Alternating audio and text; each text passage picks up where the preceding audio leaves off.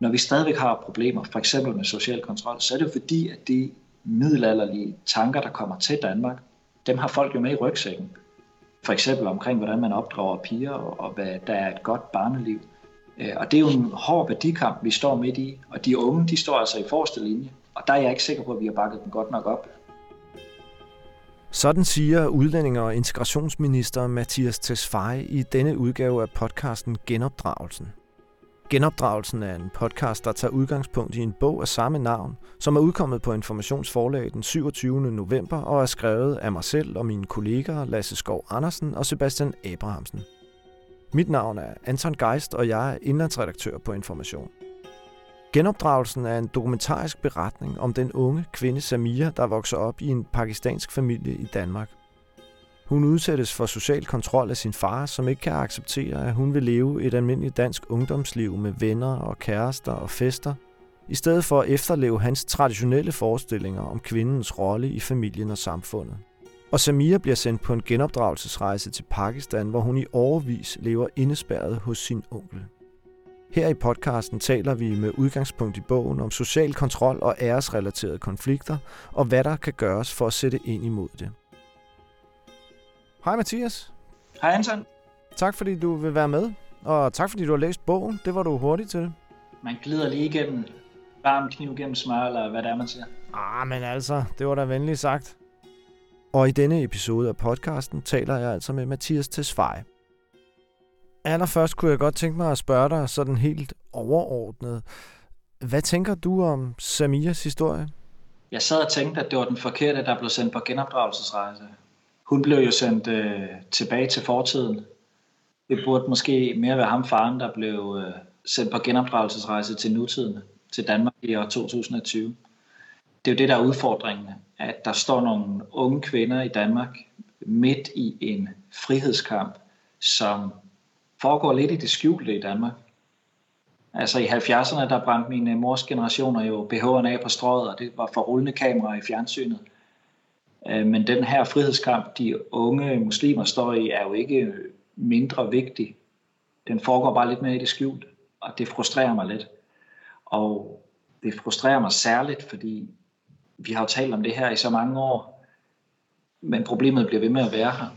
Og vi må gøre endnu mere for at hjælpe de unge med at bryde fri fra de der usynlige fængsler, de opholder sig i.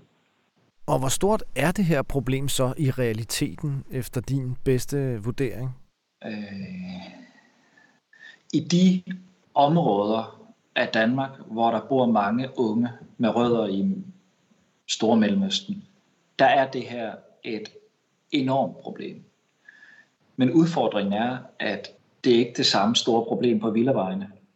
Og derfor tror jeg også, at der er problemer med at, at få det ordentligt frem i den politiske debat og få hjulpet de her unge kvinder nok.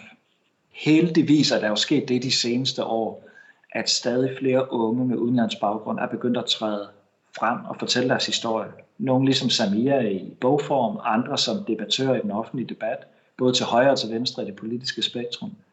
Og det er faktisk noget fantastisk, der er sket, øh, sådan vil jeg sige, løbet af det sidste årti.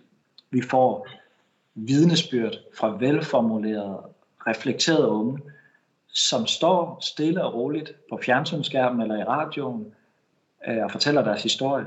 Men vi skal slet ikke være i tvivl om de enorme omkostninger, de også betaler ved at stå frem og fortælle deres historie. Og derfor er det også sådan for mig personligt en kæphest, at vi må gøre, hvad vi kan for at blæse vind i deres sejl. Altså understøtte dem i deres frihedskamp. Også få det frem i lyset, fordi der er jo en kamp om, hvad skal fylde i den offentlige debat, hvad skal fylde øh, i Folketingssalen, hvad, skal, hvad, hvad, er, hvad er egentlig vigtigt at diskutere i det her land.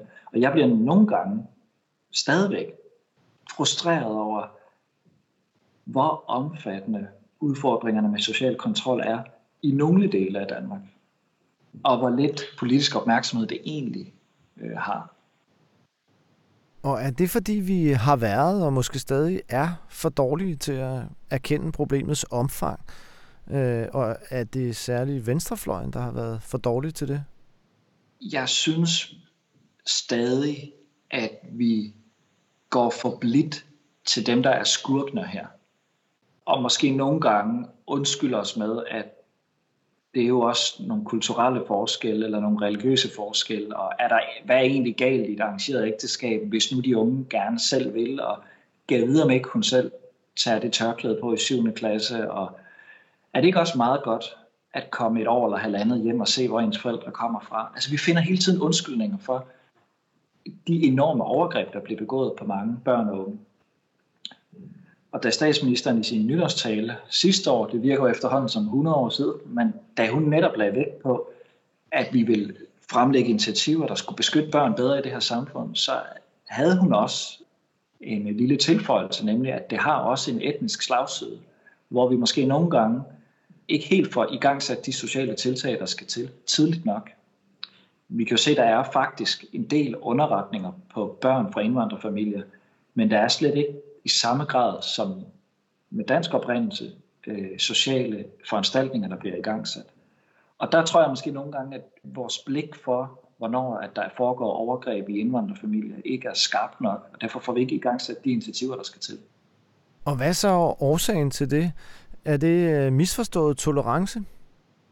Altså mit eget indtryk er faktisk, at socialrådgivere, skolelærer, pædagoger og andre, der laver underretninger, er altså er ret gode til det, og de vil også kun alt det bedste for børnene.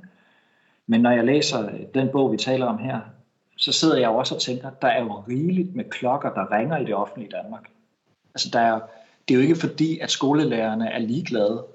Altså der er faktisk rigeligt med klokker, der ringer. Og alligevel ender hun jo på flyet. Ja, for det er jo faktisk sådan, at myndighederne er bekendt med, at der er problemer med social kontrol i Samias familie og lærerne advarer også netop om, at hun vil blive sendt på genopdragelsesrejse. Ja, og der kan jeg ikke lade være med at tænke over, er vi i stand til som samfund og som myndigheder at beskytte de her unge godt nok? Jeg tog der selv et par noter i magnen, da, da jeg læste bogen, ikke? fordi øh, jeg spekulerer for eksempel over, har vi det setup i lufthavnen, der skal til? Når der faktisk er i det her tilfælde en skolelærer, der, der ringer til politiet og, og, og virkelig prøver at slå alarm. Men jeg har jo tidligere hørt om unge kvinder, der gemmer mønter i BH'en for at få det til at bibe, når de skal igennem øh, hvad hedder det, der, sikkerhedstjekket med håb om at blive trukket til side, så de kan råbe hjælp. Det er selvfølgelig opfindsomt af dem, men det er jo også et udtryk for, at jeg synes, vi som myndigheder skal overveje, er setup'et i lufthavnen, som det er. Jeg har også spekuleret over, når for eksempel øh, hun spiser en masse piller, og det er helt åbenlyst, det er fordi hun er under pres fra sine forældre, øh, er vi så helt sikre på, at de første, vi skal ringe til, det er forældrene? Altså der, der tænker jeg også nogle gange, vi skal være helt sikre på, at alle de gode viljer og evner, der er blandt offentlige ansatte, og som laver de her underretninger, at de også forstår de kulturelle konflikter, der ligger bagved. Fordi en ting er social mistrivsel. Øh, jeg tror mange mange socialrådgiver, de udvikler jo en fin fornemmelse for, når de kommer ind i en lejlighed, så kan de lynhurtigt se, om det er en familie, hvor der er risiko for, for mistrivsel, fordi de kan måske se på, på rengøringen eller på andre markører i hjemmet. Men hvis man kommer ind i et indvandrerhjem, er man så også i stand til at se de kulturelle markører på mistrivsel. Og der har vi jo, nu har jeg lige prøvet at undersøge det frem til det her interview, øh, udlændingemyndighederne har de seneste fire år haft 1000 kommunale ansatte på kursus faktisk i æresrelaterede konflikter. Og øh, erfaringen derfra er, at, øh, at det har været godt, men at der er et enormt behov for, at der skal, altså, der skal mere til. Dels fordi der er så stor udskiftning blandt offentlige ansatte, at, at man bliver nødt til at holde det her uddannelseskursusforløb i gang, men også fordi, at mængden af mennesker i den offentlige sektor, som har behov for og interesse i at vide noget om det her, er ret stor, heldigvis at der er heldigvis en, en, en nysgerrighed og en lyst til faktisk at, at forstå også de kulturelle konflikter, der ligger bag ved mistrivsel. Og det er jo positivt. Og jeg tror også det der med, altså har vi været for, for langsomt til at erkende problemerne, er venstrefløjen skurken og sådan noget. Altså for mig er det vigtigt, det er ikke venstrefløjen, der skal på genopdragelsesrejse. Det er faren. Altså skurken er ikke det danske samfund jeg kan ikke komme i tanker om, at vi ikke har brugt nok penge, at vi ikke har haft gode nok viljer, at vi, har, at vi er ligeglade. Altså, når vi stadigvæk har problemer, for eksempel med social kontrol, så er det fordi, at de middelalderlige tanker, der kommer til Danmark fra Mellemøsten, dem har folk jo med i rygsækken. og dem øh, for eksempel omkring, hvordan man opdrager piger, og, hvad der er et godt barneliv. Øh, og det er jo en hård værdikamp, vi står midt i, og de unge, de står altså i forreste linje, og der er jeg ikke sikker på, at vi har bakket dem godt nok op. Og hvad tror du så, man skal gøre for at vinde den her værdikamp? Øh, jeg har selv spekuleret en del over det her på det sidste. Jeg fremsætter her om ganske kort tid et lovforslag, som skal være med til at, at skærpe straffen på en række områder omkring social kontrol. For eksempel i forhold til religiøse hvilelser af mindreårige og det at fastholde kvinder i ægteskaber mod deres vilje.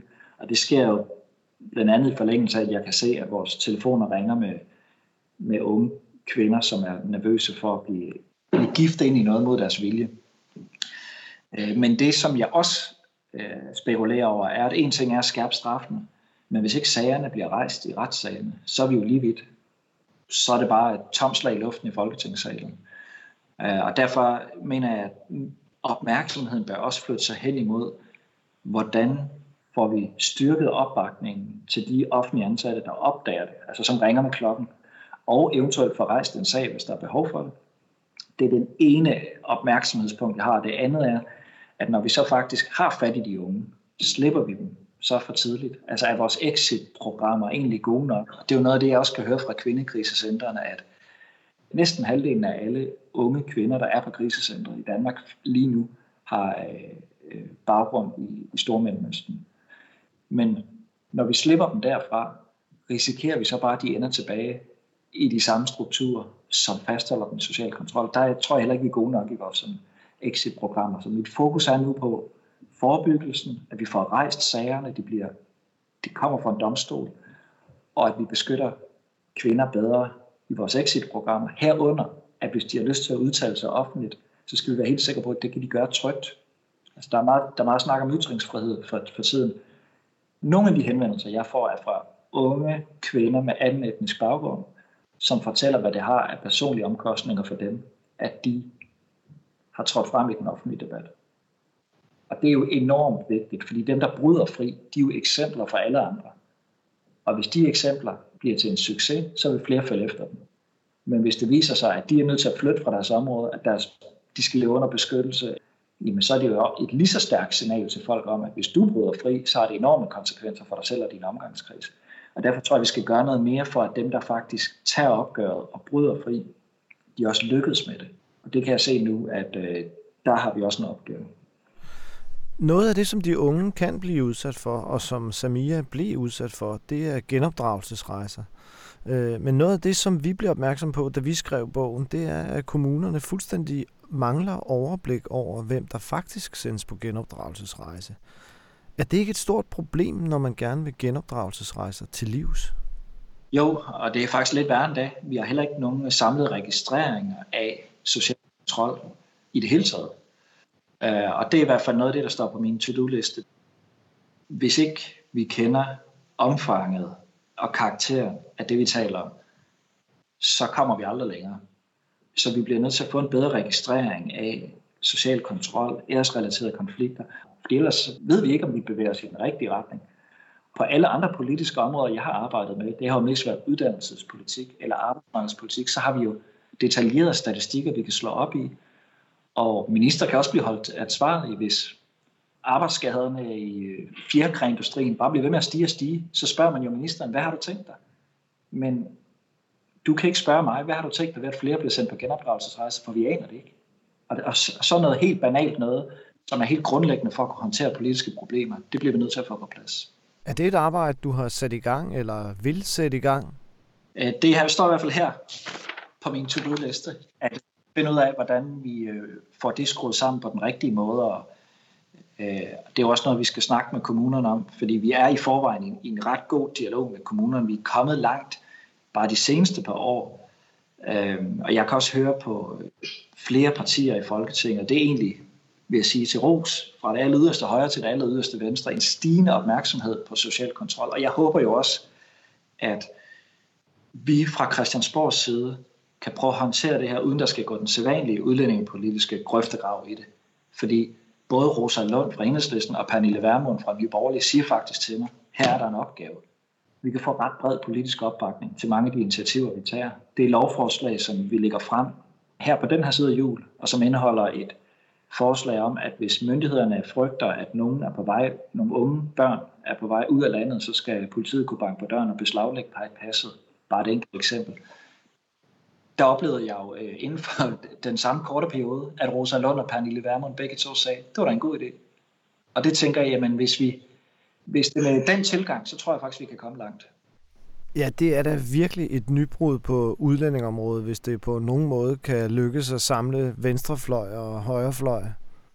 Ja, nu er, skal jeg jo lige sige for god ordens skyld, det er jo min melding, de øh, reagerer på. Det er jo ikke et lovforslag. De skal lige have lov til at forholde sig til det, når de ser det sort på hvidt. Men det er, det er rigtigt, at når jeg taler om social kontrol, så oplever jeg ikke en en racistisk højrefløj, som er ligeglad med de unge muslimske kvinder, og en naiv venstrefløj, som nægter at tro på, at der er nogle problemer. Altså, jeg synes faktisk, vi har bevæget os ud af 90'erne der.